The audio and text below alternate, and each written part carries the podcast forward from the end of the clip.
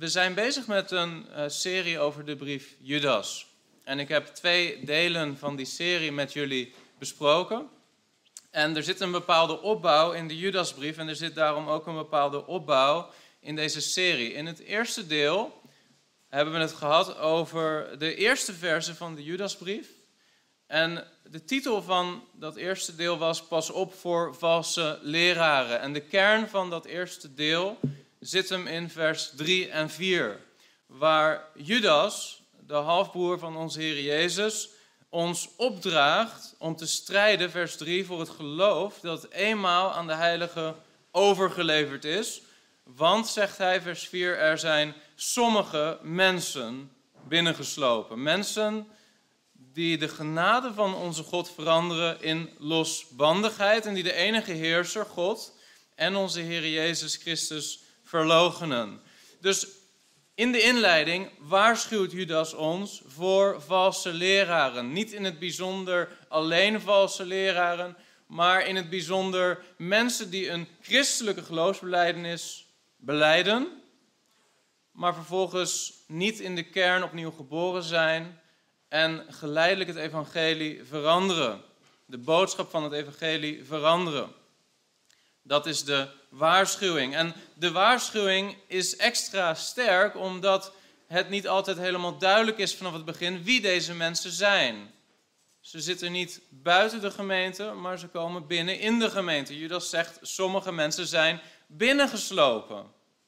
Dus dat is de inleiding. Pas op voor valse leraar. In het tweede deel hebben we gekeken naar de kern van de brief, waar Judas antwoord geeft op de vraag: wie zijn deze valse leraren? Hoe herken je ze? En we hebben gezien dat de kern van het antwoord op die vraag zit in vers 8. Daar lezen we niettemin bezoedelen deze dromers, ook nu, op dezelfde wijze hun lichaam. En ze verwerpen het gezag en ze lasteren al wat eer toekomt. Dat zijn de drie belangrijkste kenmerken die Judas noemt van valse leraren, van afvallige christenen die in het lichaam blijven en zelfs posities innemen als leiders of bijbelleraars, of in elk geval invloed uitoefenen op de gemeente en de leer. Die drie kenmerken hebben we gezien, gaan over allereerst, ze bezoedelen hun lichaam, in bredere zin, ze laten immoraliteit toe in hun leven. We hebben ook gezien dat daarbij een terugkerend thema ook het thema is van seksuele immoraliteit, maar in bredere zin laten deze mensen zonde toe in hun leven. Ze leven naar hun goddeloze begeerten. Dat is het eerste kenmerk. Uh, het tweede kenmerk wat we hebben gezien is dat zij het gezag verwerpen. Specifiek het gezag van de Heer Jezus als Heer. In bredere zin, het gezag van de Bijbel is het woord van God. Deze mensen spelen spelletjes met de Bijbel, nemen het hier en daar wellicht serieus, maar waar het hun niet uitkomt, daar waar de Bijbel tussen hun en hun begeerte in staat, zijn ze bereid de Bijbel te onderwerpen aan hun begeerten. Dat is het tweede kenmerk.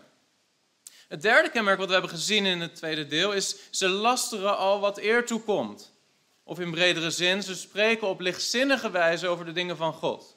Alsof het menselijke dingen betreft in plaats van de woorden en het gezag van God. En zo herkennen wij valse leraren. En Judas vertelt ons niet specifiek wat de valse leer was die deze leraren uitdroegen. Dat weten we niet. In plaats daarvan geeft de Heilige Geest ons in de Judasbrief algemene kenmerken waarmee we ze kunnen herkennen, los van welke specifieke afwijking ze in de leer injecteren. Of welke elementen van het evangelie ze weghalen. Het zijn kenmerken waaraan je ze kunt herkennen. En nu zijn we aangekomen in deel 3. En deel 3, dan wil ik het met jullie hebben over vers 17 tot het einde van de brief. Vers 17 tot 25. En we gaan het vandaag hebben over de vraag: wat moet ik hiermee? Nu dat ik dit weet, nu dat ik deze waarschuwing heb gehoord, wat, wat moet ik hiermee in mijn leven? Hoe kan ik hier vervolgens praktisch mee verder? En we gaan zien als je oplet, als we dit nu doorlezen, dat er in feite vier concrete opdrachten staan die jij kunt meenemen. En als je die gehoorzaam bent, dan zal dat jou beschermen voor de invloed van deze mensen in jouw leven. En daarom gaan we lezen Judas vanaf vers 17 tot 25. Ik lees uit de herziene statenvertaling. vers 17 tot 25. Maar u geliefden, herinnert u zich de woorden die voorzegd zijn door de apostelen van onze Heer Jezus Christus, dat zij u gezegd hebben dat er in de laatste tijd spotters zullen zijn die naar hun eigen goddeloze begeerte wandelen. Zij zijn het die scheuringen veroorzaken, natuurlijke mensen die de geest niet hebben. Maar u geliefden, bouw uzelf op in uw allerheiligst geloof en bid in de Heilige Geest. Bewaar uzelf in de liefde van God en verwacht de barmhartigheid van onze Heer Jezus Christus tot het eeuwige leven. En ontferm u over sommigen en ga daarbij met onderscheid te werk. Red anderen echter met vrees en ruk hen uit het vuur. U moet ook haten het onderkleed dat door het vlees bevlekt is. Aan hem nu die bij macht is u voor struikelen te bewaren en u smetteloos te stellen voor zijn heerlijkheid in grote vreugde, de alleenwijze God, onze zaligmaker, zij heerlijkheid en majesteit, kracht en macht, nu en in alle eeuwigheid. Amen. Laten we bidden. Heer, we willen u danken voor dit woord. We willen u danken voor de brief van Judas. We willen u danken voor de gelegenheid die we hebben nu om uw gezaghebbend woord bestuderen, zodat we het beter leren kennen, zodat we u beter leren kennen, zodat we u beter begrijpen, Heer. En Heer, ik heb in mijzelf geen gezag. Heer, ik ben me daarvan bewust. Ik ben een zwakke mens. Heer, maar uw woord heeft gezag. Heer, en ik wil u bidden, wilt u mij helpen om mijn broeders en zusters te helpen om uw woord beter te begrijpen? Heer, zodat dat woord ook in hun leven gezag mag hebben en hen zal beschermen voor de invloed van dwaalleer. Bid u dit in Jezus' naam en tot eer van de naam van Jezus. Wees met ons zo, Vader, Zoon en Heilige Geest. Amen. We vinden in deze verse, als je goed oplet, vier praktische opdrachten. Die vierde is misschien iets moeilijker te vinden, maar die eerste drie zijn heel duidelijk. Drie imperatieven, drie duidelijke opdrachten. Maar die vierde is misschien nog wel het belangrijkst. Ik weet niet of dat je hebt opgelet terwijl we het lazen. Misschien heb je al een beetje zitten zoeken. Maar ik ga je laten zien welke vier opdrachten ik bedoel en in welke verse je ze vindt. Want dit stuk bestaat in feite uit vier stukken. Het eerste stuk is vers 17 tot 19. En het kernwoord daar, de opdracht is, vers 17, herinner. Herinner. Het tweede stuk vinden we in vers 20 tot 21 en daar is de kernopdracht bewaar uzelf. Bewaar uzelf. Het derde imperatief, de derde opdracht, vinden we in vers 22 tot 23 en daar is de kernopdracht ontferm u. Vers 22. En tot slot de afsluiting van de brief in vers 24 tot 25. En daar is het kernwoord een woord wat we niet vinden, maar het kernwoord is in feite rust. Rust in deze God. Aan Hem die bij machten is u voor struikelen te bewaren. Rust in Hem. Dus we gaan kijken naar die vier gedeelten en zo wil ik er ook doorheen gaan met jullie. En we beginnen dus bij vers 17 tot 19. Ik wil jullie aandacht vestigen nu op vers 17 tot 19 en het kernwoord van die opdracht is herinner u deze woorden die voorzegd zijn door de apostelen van onze Heer Jezus Christus, dat zij u gezegd hebben dat er in de laatste tijd spotters zouden zijn, die naar hun eigen godloze begeerte zouden wandelen. Vers 19, zij zijn het die scheuringen veroorzaken, natuurlijke mensen die de geest niet hebben. Het Griekse woord wat er staat voor herinner u zich is mnestete. En dat komt van het Griekse woord mimneskomai en dat betekent herinneren, ergens opnieuw overdenken. Het heeft te maken met geheugen, het heeft te maken met onthouden. En Judas wijst ons in feite terug op waar we het ook over hebben gehad in het eerste deel van de serie, namelijk dat de Heer Jezus zelf herhaaldelijk heeft gewaarschuwd voor de komst van valse profeten, voor de komst van wolven. Maar niet alleen de Heer Jezus, maar ook de apostel Paulus waarschuwt ons voor grimmige wolven die zullen komen en de kudde niet zullen sparen. De apostel Johannes waarschuwt ons voor mensen die uit ons zijn gegaan omdat ze niet van ons waren. Antichristen, valse leraren. En ook Petrus, de apostel Petrus, waarschuwt voor de komst van valse profeten, van valse leraren. Sterker nog, als je de 2 Petrusbrief leest, dan vind je een gedeelte wat voor een groot deel parallel is aan wat wij bestudeerd hebben in Judas. Met bijna gelijke bewoordingen waarschuwt Petrus in zijn tweede brief ons voor valse leraren, zoals ook Judas daarna ons ook waarschuwt voor valse leraren. En dan kan je je afvragen, waarom is die Judasbrief er? Waarom beschrijft eigenlijk Judas zo'n beetje dezelfde waarschuwing die ook Petrus in zijn tweede brief beschrijft. En de sleutel voor het antwoord op die vraag zit hem in het herinneren. De Heilige Geest weet dat jij deze dingen steeds weer opnieuw moet bedenken. Want het risico is namelijk dat je het vergeet. Het risico is dat je op enig moment gewaarschuwd wordt voor de komst van valse leer, van valse leraren, maar dat je langzaam dat weer vergeet, langzaam je niet meer bewust bent van het gevaar en langzaam niet meer op je hoede bent hiervoor. En daarom is de eerste opdracht: herinner u. Herinner u. Wees je er steeds weer opnieuw als christen van bewust dat niet iedereen die zich christen noemt ook daadwerkelijk in geestelijke zin jouw bondgenoot is. Er zijn wolven in schaapskleren. En een interessant voorbeeld van de situatie waarin wij nu leven in Nederland met het coronavirus is natuurlijk dat eh, premier Rutte en uh, zijn minister uh, Hugo de Jonge steeds opnieuw op televisie komen en dezelfde waarschuwing geven. En dan denk je, ja, maar dit hebben ze toch al talloze keren gezegd. Hou anderhalve meter, nies in je elleboog, et cetera, et cetera, et cetera. Waarom doen deze mensen dit? Waarom komen ze steeds weer opnieuw diezelfde boodschap geven? En de reden is omdat ze weten dat als ze dat niet doen, dat mensen verslappen. Dat mensen het vergeten, dat mensen het niet meer doen. Diezelfde wijsheid vinden we in de Judasbrief. Wij moeten er steeds opnieuw aan herinnerd worden. Dat is niet omdat we een negatieve sfeer willen hebben in de gemeente van de Heer. Dat is niet omdat ik steeds een negatieve boodschap wil brengen. Ik denk ook helemaal niet dat het gezond is als een gemeente alleen maar bezig is met waarschuwen voor negatieve leer of slechte invloeden. Maar de Heilige Geest draagt ons op om eens in de zoveel tijd weer herinnerd te worden aan dit fenomeen.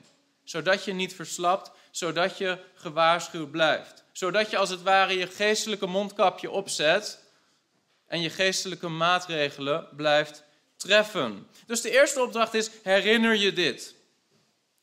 En als je dan doorleest, dan geeft Judas nota bene opnieuw een beschrijving van de groep mensen die hij in de kern van de brief al zo vaak beschreven heeft.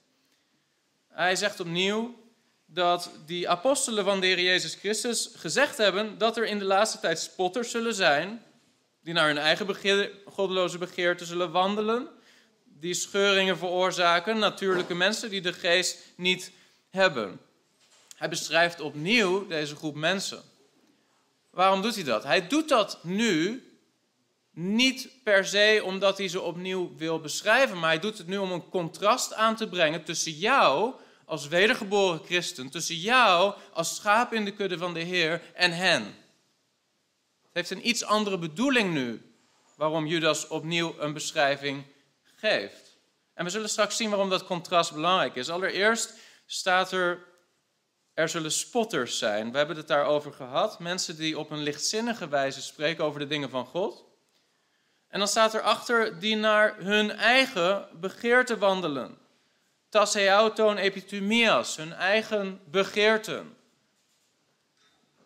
En verder staat er dat het mensen zijn die scheuring maken. En in het Grieks staat er apodiorizontes.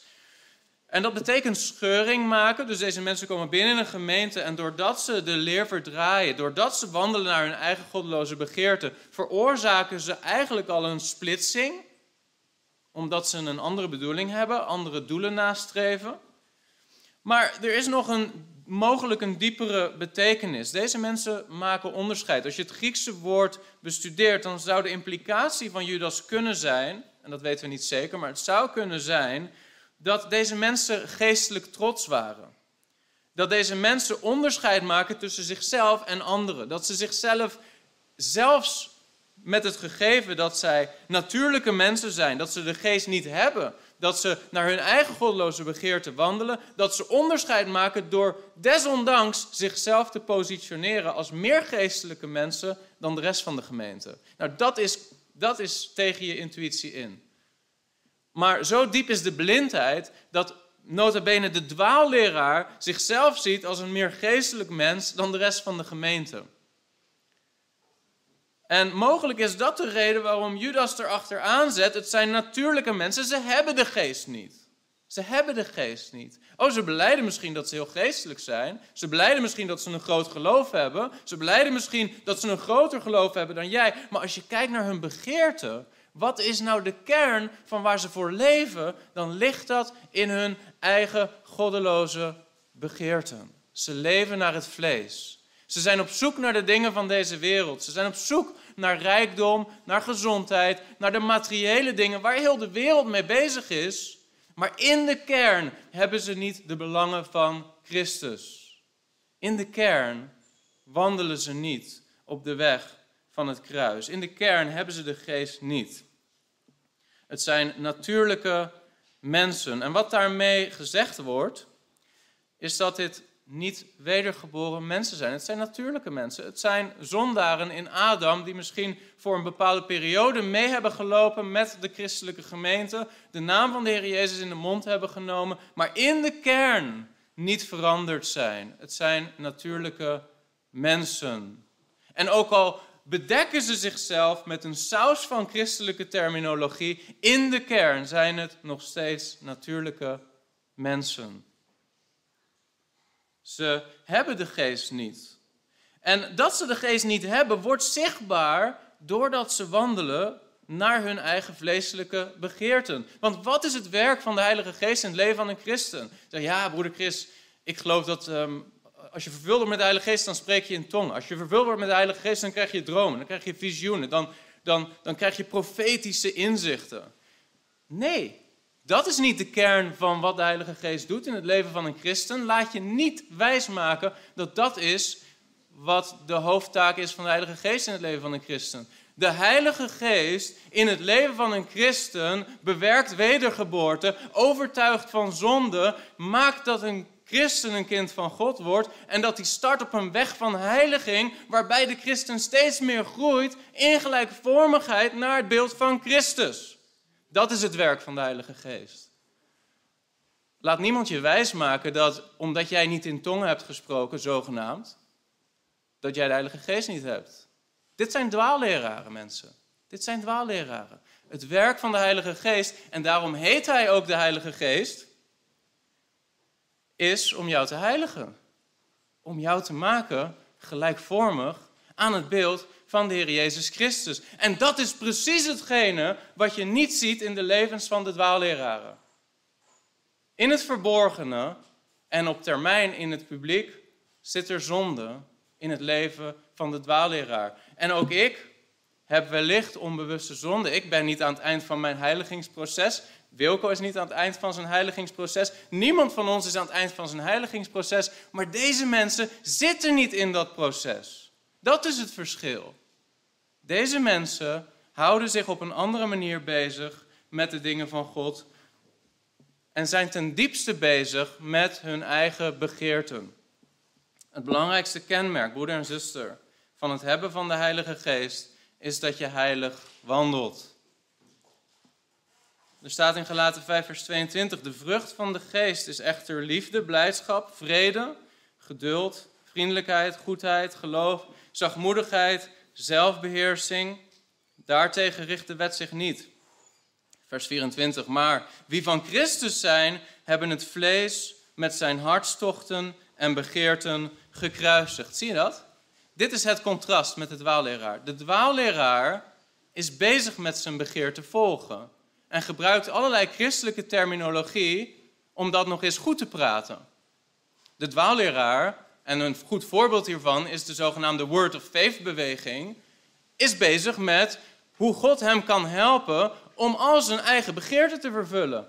Het zij een Rolex, het zij een dure auto, het zij lichamelijke gezondheid, het zij comfort, Het zij een immer uitbreidende bediening in het koninkrijk van God, die ten diepste helemaal niet draait om het evangelie, maar om hemzelf en zijn dwaalleer. Zie je, deze mensen wandelen niet de weg van het kruis. Deze mensen zijn ten diepste niet bezig met de belangen van Christus en zijn koninkrijk. Deze mensen veranderen de leer. En het is belangrijk dat jij je dat herinnert. Herinner je dat? Dat is de eerste opdracht. De tweede opdracht, en dat is degene waar we denk ik nu even het meeste tijd aan moeten besteden, vinden we in vers 20 en 21.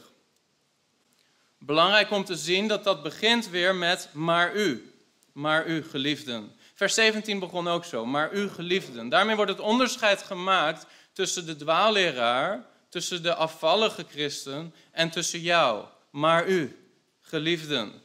En dan staat er in vers 20 en vers 21, bouw uzelf op in uw allerheiligst geloof en bid in de Heilige Geest, bewaar uzelf in de liefde van God en verwacht de barmhartigheid van onze Heer Jezus Christus tot het eeuwige leven. Mijn vraag is aan jullie nu, wie gebruikt de herziene statenvertaling hier? Oké, en wie gebruikt een andere vertaling? Ja, dus heel veel mensen gebruiken hier de herziene statenvertaling. Dat had ik al wel een beetje zien aankomen. En dat is op zich goed, ik gebruik die zelf ook graag. Maar de herziene statenvertaling geeft hier niet zo heel duidelijk weer wat er staat in het Grieks. En vooral in dit opzicht, als je dit leest namelijk, dan denk je dat er hier vier losse opdrachten worden gegeven. En dat begint bij bouw jezelf op in uw allerheiligst geloof. Dat is één. De tweede, bid in de Heilige Geest. De derde, bewaar uzelf in de liefde van God. En de vierde, verwacht de barmhartigheid van onze Heer Jezus Christus tot het eeuwige leven. Echter, als je het Grieks leest, dan zie je dat de kernopdracht in feite het enige werkwoord wat hier staat, wat ook in de hoofdwerkwoordsvorm daar staat, is bewaar uzelf in de liefde van God. Dat is de opdracht. Bewaar jezelf in de liefde van God. Die andere drie zijn de manieren waarop je dat doet. En daarom vertel ik je dit. Want de hoofdopdracht is bewaar jezelf in de liefde van God. En dan zeg jij, ja maar broeder Chris, hoe doe ik dat? Hoe moet ik mezelf bewaren in de liefde van God? En dan is het antwoord drie manieren.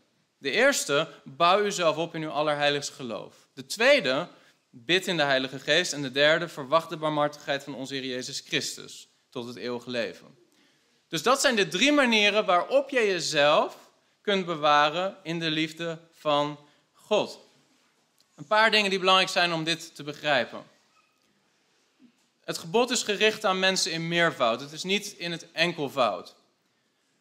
Dus deze geboden hebben ook wel iets te maken met hoe je dat als gemeente doet. Niet alleen maar hoe je dat persoonlijk doet. En tegelijkertijd is het ook belangrijk dat je deze geboden persoonlijk toepast. Hoe bewaar je jezelf in de liefde van God? Dan zeg je misschien, ja maar wat bedoel je broeder Chris? Ik moet gewoon zorgen dat ik God lief blijf hebben. Dat is hoe ik dat doe. Ik moet mezelf, mijn liefde voor God, moet ik vasthouden. En dat is niet wat hier staat. Het gaat niet om jouw liefde voor God hier, het gaat om Gods liefde voor jou. Jij moet jezelf bewaren in de liefde die God heeft voor jou. Zeg je, hoe doe ik dat? Ik heb toch geen controle over of dat God mij wel of niet lief heeft? Dat is toch in de hand van God? Nou, de Bijbel gebruikt vaker dit soort uitspraken. En een voorbeeld is bijvoorbeeld in Johannes 15. In Johannes 15 zegt de Heer Jezus vanaf vers 9: Zoals de Vader mij lief gehad heeft, heb ook ik u lief gehad. Blijf in mijn liefde. En vers 10: Als u mijn geboden in acht neemt, zult u in mijn liefde blijven, zoals ik de geboden van mijn Vader in acht genomen heb en in zijn liefde blijf. Dus het punt is, God heeft jou lief als zijn kind en tegelijkertijd is het belangrijk dat jij blijft in die plaats van Gods liefde. Dat jij jezelf bewaart in die, op die geestelijke positie waar God zijn zegen geeft, waar de liefde van God heerst. En dat doe je door zijn geboden in acht te nemen. En dat doe je in het geval van wat Judas hier zegt op drie manieren. En dat is allereerst bouw jezelf op in je allerheiligst geloof. En dit is heel belangrijk. Ik heb dit ook in deel 1 al benadrukt. Maar lees goed wat hier staat. Er staat bouw uzelf op in uw allerheiligst geloof. En er zijn heel veel christenen die pakken zoiets en die zeggen meteen ja, mijn geloof moet groeien. Ik moet groeien in geloof. Mijn geloof is te klein. Ik moet groter geloof hebben. Heb jij geloof voor dit? Heb jij geloof voor dat? En dat is allemaal onzin. Daar gaat het helemaal niet om. Het gaat er niet om dat jouw geloof groeit. Het gaat zelfs helemaal niet over jouw persoonlijk geloof. Het gaat over het allerheiligst geloof. Jouw geloof is niet allerheiligst. Is jouw geloof allerheiligst? Nee. Jouw geloof is heel vaak kwetsbaar, zwak, onzuiver. De Jezus zegt, heb je geloof als een mosterdzaadje, ga je kleingelovige. Nee, ons, ons geloof is heel vaak best wel teleurstellend. Om heel eerlijk te zijn, als ik kijk naar mezelf, als ik kijk naar broeders en zusters om me heen, ons geloof is best wel zwak. Ons geloof is best zwak. Maar het gaat hier helemaal niet om jouw persoonlijk geloof. Soms hoor ik dwaalleraren, vooral in de Word of Faith beweging, heb jij geloof voor een Rolex? Heb jij geloof voor een dure auto? Heb jij geloof voor een groeiende bediening? En hier gaat het helemaal niet om. Waar gaat het om? Er staat bouw uzelf op. Wat moet je opbouwen? Uzelf. In uw allerheiligst geloof. Het allerheiligst geloof is hetzelfde geloof als wat Judas beschrijft in vers 3. Want daar staat, ik spoor u aan te strijden voor het geloof dat eenmaal aan de heilige overgeleverd is. Het geloof in die context gaat over het evangelie van Jezus Christus. Dat is het allerheiligst geloof. Het christelijk geloof. De leer van het evangelie. Niet jouw geloof. En wat Judas zegt is, bouw jezelf op op dat geloof. Zie je dat evangelie van Jezus Christus is een rots waarop jij jouw levenshuis moet bouwen. Waarin jij geworteld moet zijn. Met al je zwakte, met al je vragen, is de opdracht: bouw jezelf op op je allerheiligst geloof, in je allerheiligst geloof. Dus al die zogenaamde word of faith interpretaties van geloof zijn dwalingen. Het gaat helemaal niet om jouw persoonlijk geloof in deze context. Het gaat om het allerheiligst geloof, het gaat om het evangelie. Nota bene het evangelie wat zij verdraaien. Als we dan doorlezen, nou laten we heel eventjes hierbij blijven. Hoe doe je dat? Hoe bouw je jezelf op in je allerheiligst geloof? Hoe zorg je ervoor dat jouw huis gebouwd is op de rots? En een eenvoudig antwoord op deze vraag is: bestudeer de Bijbel. Groei in kennis. Groei in kennis van onze Heer en Zaligmaker Jezus Christus. Dat is wat Petrus zegt in zijn tweede brief, 2 Petrus 3, vers 18. Groei in de genade en kennis van onze Heer en Zaligmaker Jezus Christus. En Paulus zegt in Romeinen 10, vers 17: Zo is dan het geloof uit het gehoor en het gehoor door het woord van God. Dus hoe bouw je jezelf op in je allerheiligst geloof? Dat is door Gods woord te bestuderen. Dat is door Christus beter te leren kennen door zijn woord. En misschien had je een spannender antwoord verwacht, maar zo simpel is het mensen. Je bouwt jezelf op door gewoon je leven te geven aan het bestuderen van Gods woord. En veel christenen doen dat helaas niet. En het mooie is dat jij als christen de Heilige Geest hebt ontvangen, zodat de Heilige Geest werkt met datgene wat jij leest in zijn woord. Je bent niet als een schriftgeleerde alleen maar bezig met je eigen verstand en bijbelcommentaren, et cetera, et cetera. Maar de Heilige Geest die in jou is, helpt jou om Gods woord te begrijpen en toe te passen in jouw leven. Maar je bouwt jezelf op in je allerheiligste geloof door bezig te zijn met Gods woord. Door te luisteren naar goed onderwijs, door zelf je Bijbel te lezen. En zo groeien in kennis van onze Heer en zaligmaker Jezus Christus. En dan staat er een tweede opdracht. Hoe kan ik mezelf bewaren in de liefde van God? Allereerst door Gods woord te bestuderen, door mezelf op te bouwen in mijn allerheiligst geloof. Ten tweede, door te bidden in de Heilige Geest. Nou, hier zijn de charismatische vrienden die wij hebben een hele hoop verkeerde richtingen mee opgegaan. Want er zijn mensen die dit zien als een van de meest duidelijke bewijsteksten dat het Gods wil is dat jij in tongentaal bidt als je alleen bent of als je in de gemeente bent. En die zeggen, ja zie je wel, want Judas zegt, je moet bidden in de Heilige Geest. Kijk, wat jij doet, broeder, is bidden met je verstand. Maar wat ik doe, is bidden met de geest. En dat, dan hebben ze het over bidden in klanktalen of bidden in tongen. Dan ga ik dat onderwerp vandaag laten liggen. Ik kan me voorstellen dat er ook verschillende meningen over zijn. In mijn gemeente zijn er ook verschillende meningen over. En we respecteren elkaar daarin, we hebben elkaar lief. Maar wat ik je wel wil laten zien is dat dat vers hier totaal niet over kan gaan. Dat vers gaat hier niet over. Waarom niet? Omdat deze opdracht gericht is aan alle gelovigen. En Paulus zegt heel duidelijk in 1 Korinthe 12 en 14, daar waar het gaat over de gave van talen of tongen, spreken zij alle in talen? En het is een retorische vraag. Nee. Maar deze opdracht is gericht aan alle christenen. Dit is een algemene opdracht. Nou, als niet alle christenen in talen bidden, dan is deze opdracht niet op de juiste manier geïnterpreteerd door te zeggen dat wij dus in tongen moeten bidden. Nee. Dus bidden in de Heilige Geest is iets anders. Het, het is op deze manier niet te verklaren. In elk geval niet in zijn volledige betekenis. Wat betekent het om te bidden in de Heilige Geest? Kijk, dit is belangrijk om te weten. Elke wedergeboren christen, elke wedergeboren gelovige heeft de Heilige Geest van God ontvangen. Daar hoef je niet onzeker over te zijn. Daar hoef je niet onzeker over te zijn. Paulus zegt heel duidelijk in Romeinen 8, vers 9: Als iemand de geest van Christus niet heeft, is die niet van hem. Er is geen categorie van wedergeboren christenen die de geest van God niet hebben. Als iemand je dat wijs maakt, alsjeblieft. Romeinen hoofdstuk 8, lees het door. Er is geen categorie van christenen die in Christus zijn, maar de Heilige Geest niet hebben. Dus laat je dat niet wijsmaken. Iedere wedergeboren christen heeft de Heilige Geest. Romeinen 8, vers 14. Zoveel als er door de Geest van God geleid worden, die zijn kinderen van God. Met andere woorden, er zijn geen kinderen van God die niet door Gods Geest geleid worden. Vers 16 van Romeinen hoofdstuk 8. De Geest zelf getuigt met onze geest dat wij kinderen van God zijn.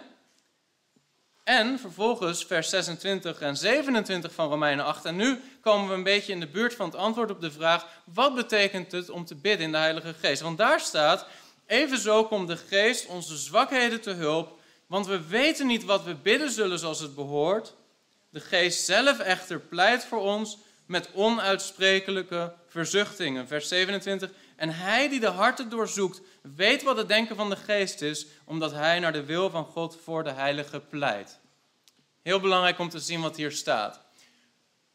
De christen die opnieuw geboren is, heeft de Heilige Geest ontvangen. En het is de Heilige Geest in hem die voor hem bidt en pleit.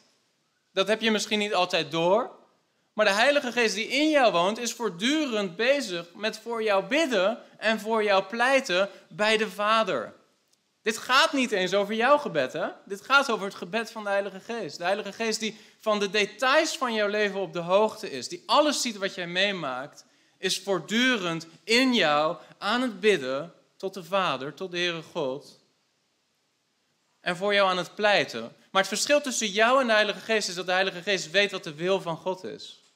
Want hij is God. En hij pleit voor jou conform de wil van God. Want Paulus zegt, wij weten niet wat we moeten bidden. Wij weten niet wat we moeten vragen om te bidden naar de wil van God. Maar de Heilige Geest weet het.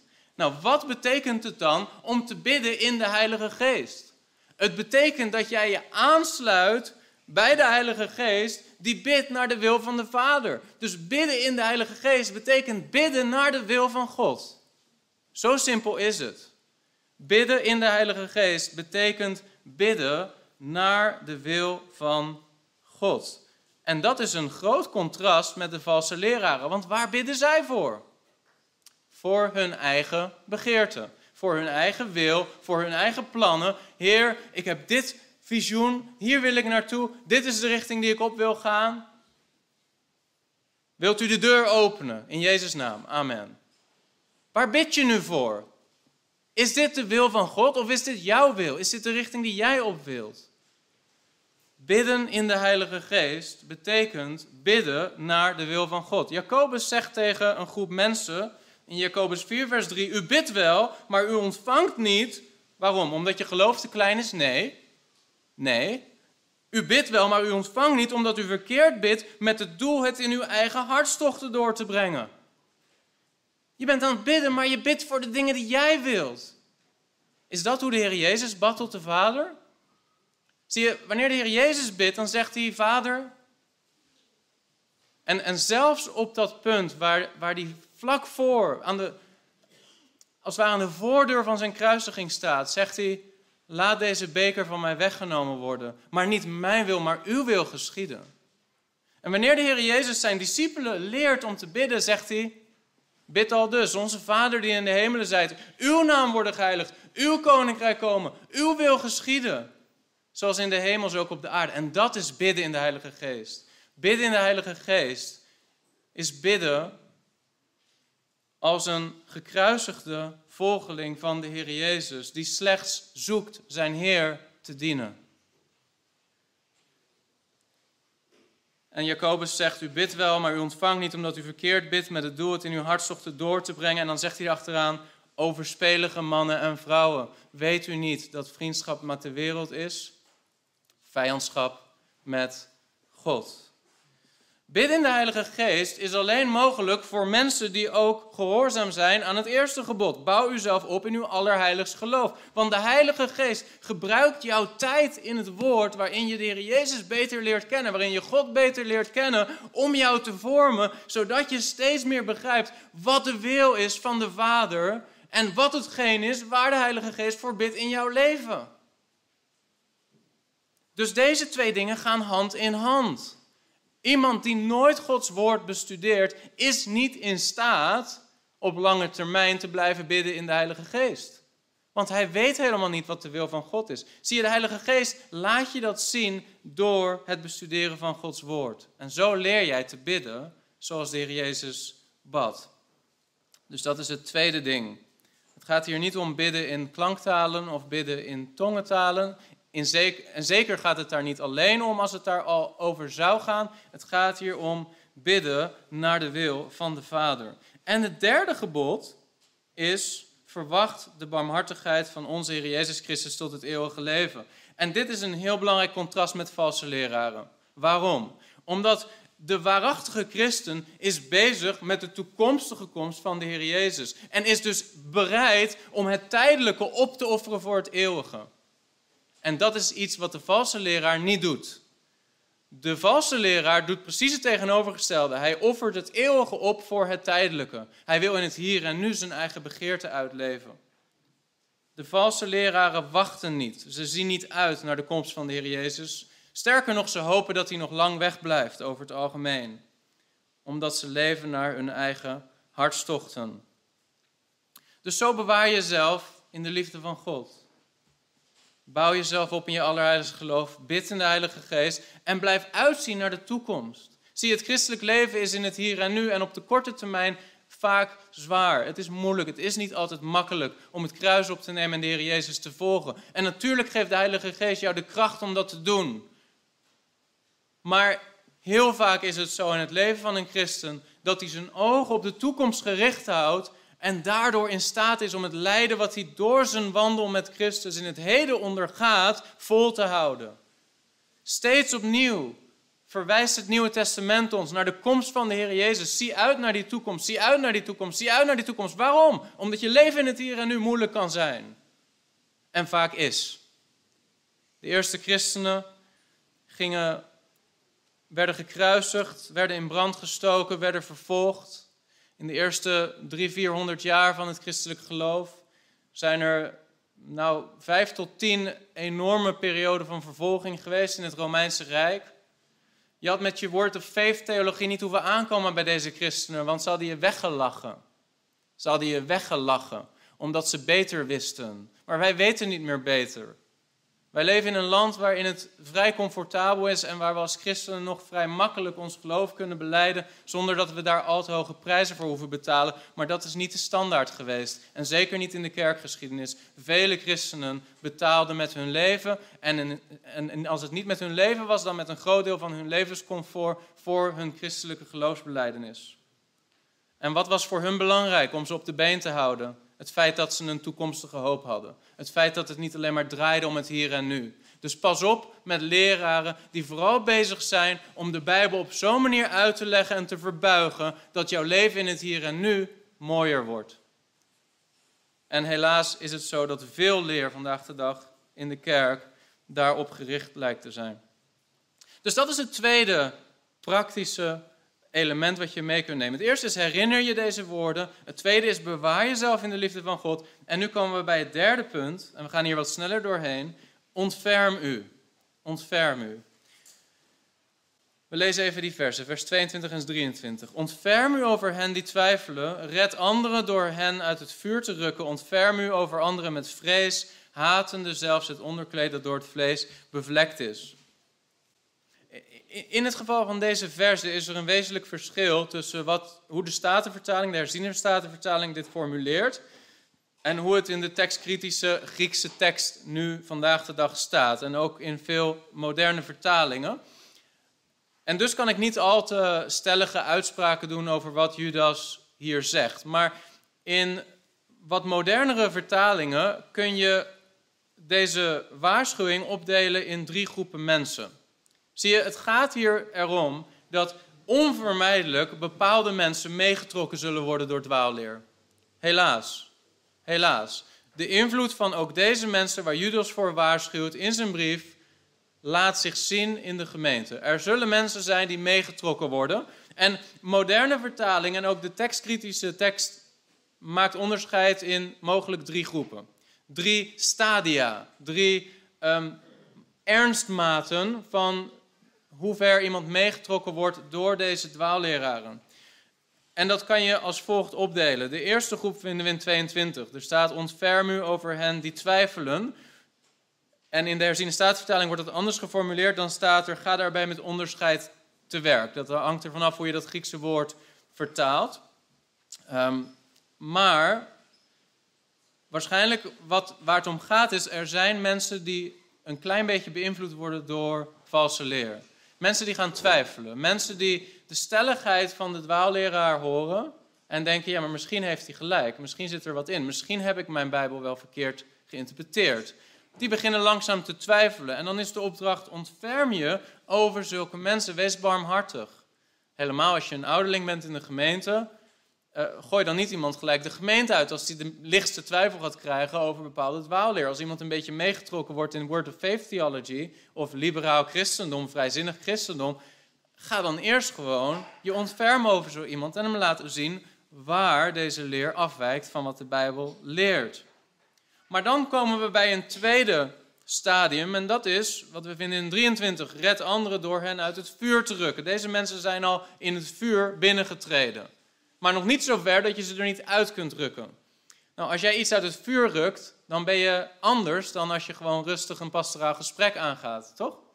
Als jij iets uit het vuur rukt, dan weet je dat dat vuur gevaarlijk is. Je kan jezelf branden. Het is gelukkig nog niet zo ver dat je er niet bij kan. Iemand staat net aan het begin, aan de buitenrand van dat vuur. Maar als je hem wilt grijpen, dan ben je snel. Omdat je beseft dat iemand in gevaar is. En dat is die, die tweede groep. Dit zijn mogelijk mensen die al wat verder beginnen beïnvloed te worden door valse leer. Ze halen langzaam het oordeel van God over zichzelf. Langzaam verwijderen ze zich van de orthodoxe christelijke leer.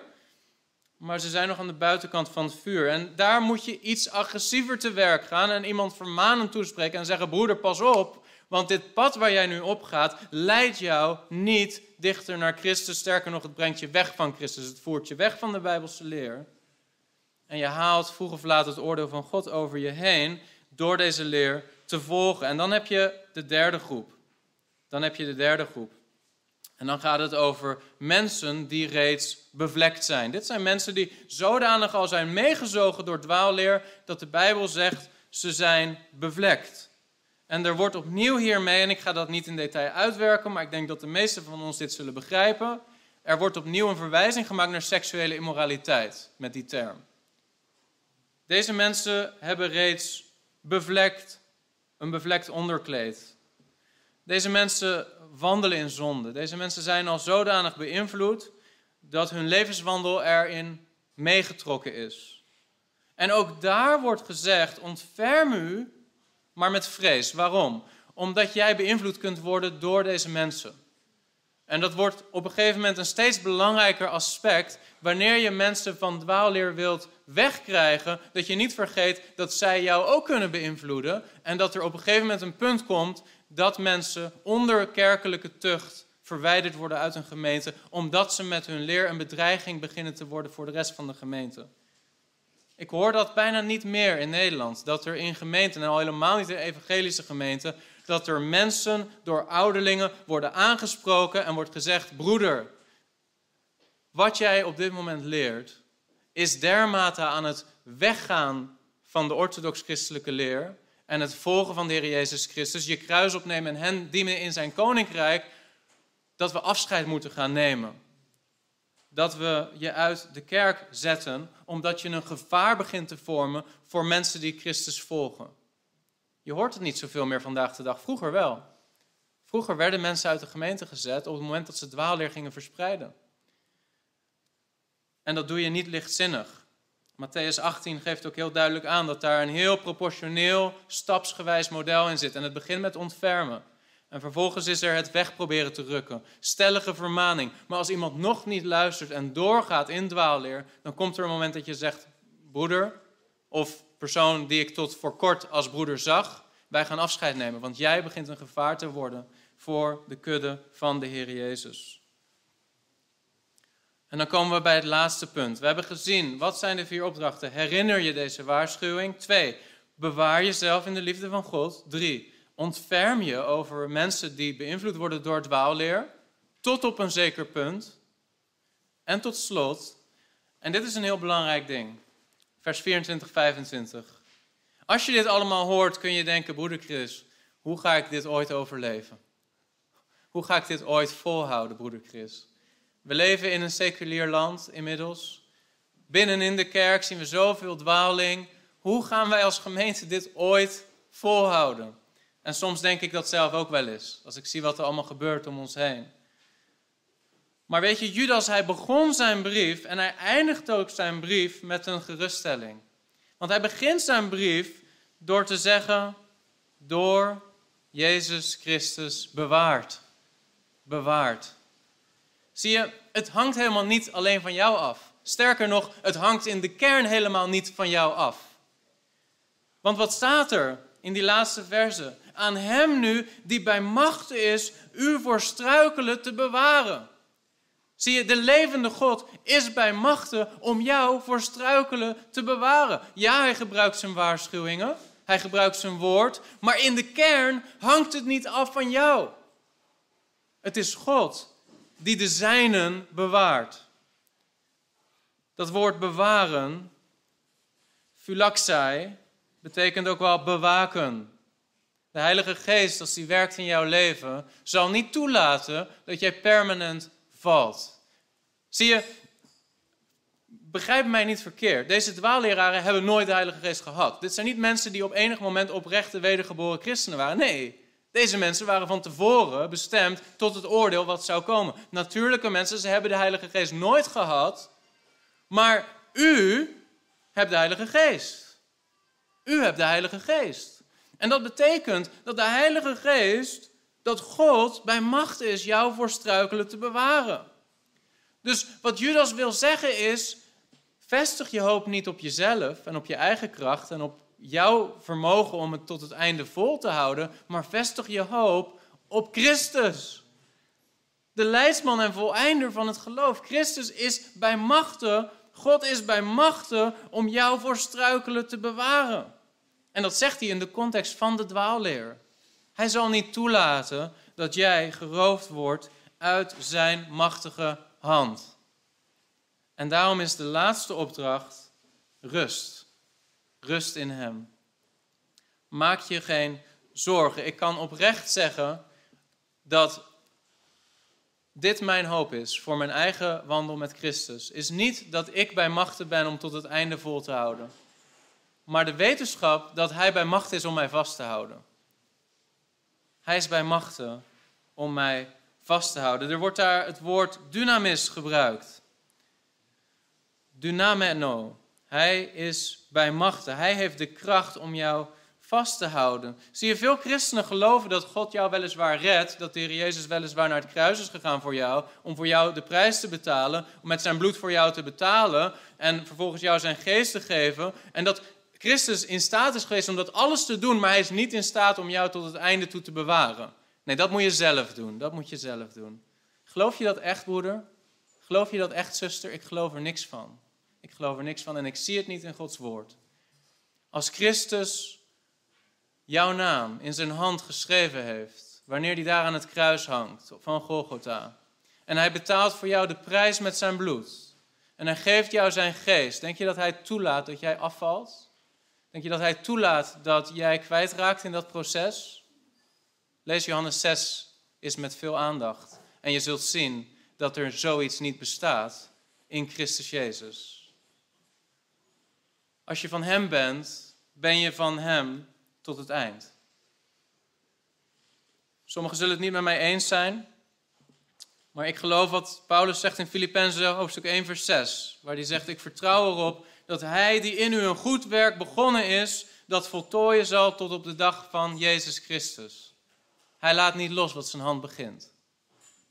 Dan zeg je, broeder Chris, waarom waarschuw je ons dan voor al deze dingen als we toch niet kunnen vallen? Zeg, omdat God die waarschuwing gebruikt om dat doel te bereiken. Om die reden. Natuurlijk is het voor ons mensen wel eens moeilijk om de soevereiniteit van God in dit proces en onze eigen verantwoordelijkheid in dit proces, om die goed te begrijpen. Hoe gaat dat samen? En de Bijbel geeft ons niet altijd een heel, in elk geval niet altijd het duidelijke antwoord wat we misschien willen daarin. Paulus zegt in Filippenzen 2, vers 12. Daarom, mijn geliefde, zoals u altijd gehoorzaam geweest bent, niet alleen zoals in mijn aanwezigheid, maar nu veel meer in mijn afwezigheid, werk aan uw eigen zaligheid met vrees en beven. Zeg, oh broeder Chris, zie je, we moeten zelf werken aan onze zaligheid met vrees en beven. Want we zouden het kunnen verliezen. En dan zegt Paulus erachteraan, want het is God die in u werkt, zowel het willen als het werken. Naar zijn welbehagen. Ja, broeder Chris, wat is het nou? Moet ik nou aan mijn eigen verlossing werken met vrees en beven? Of is het God die in mij het willen en het werken bewerkt? En mijn antwoord is allebei. Allebei. Maar als ik, als je mij vraagt, broeder Chris, wat is doorslaggevend? Dan zeg ik, God is doorslaggevend, niet jij. Niet jij. Als jij denkt dat jij doorslaggevend bent, dan wordt dat een heel, heel gespannen christelijk leven. Maar ik kan je zeggen met een oprecht hart, ik maak me geen zorgen. Ik heb vrede in mijn hart, ik heb rust in mijn hart. Waarom? Omdat ik te midden van al deze dwalen, te midden van al deze bedreigingen, weet, Hij is bij machten om mij voor struikelen te bewaren. En mijn hoop is op Hem. Niet op mijn inzicht, niet op mijn Bijbelkennis, maar op Hem. En Zijn geest die in mij werkt. Heb je het gehad aan deze video? Abonneer je dan op dit kanaal, dan zul je ongeveer wekelijks nieuwe video's te zien krijgen, waardoor je kan groeien in je kennis over geloofsverdediging.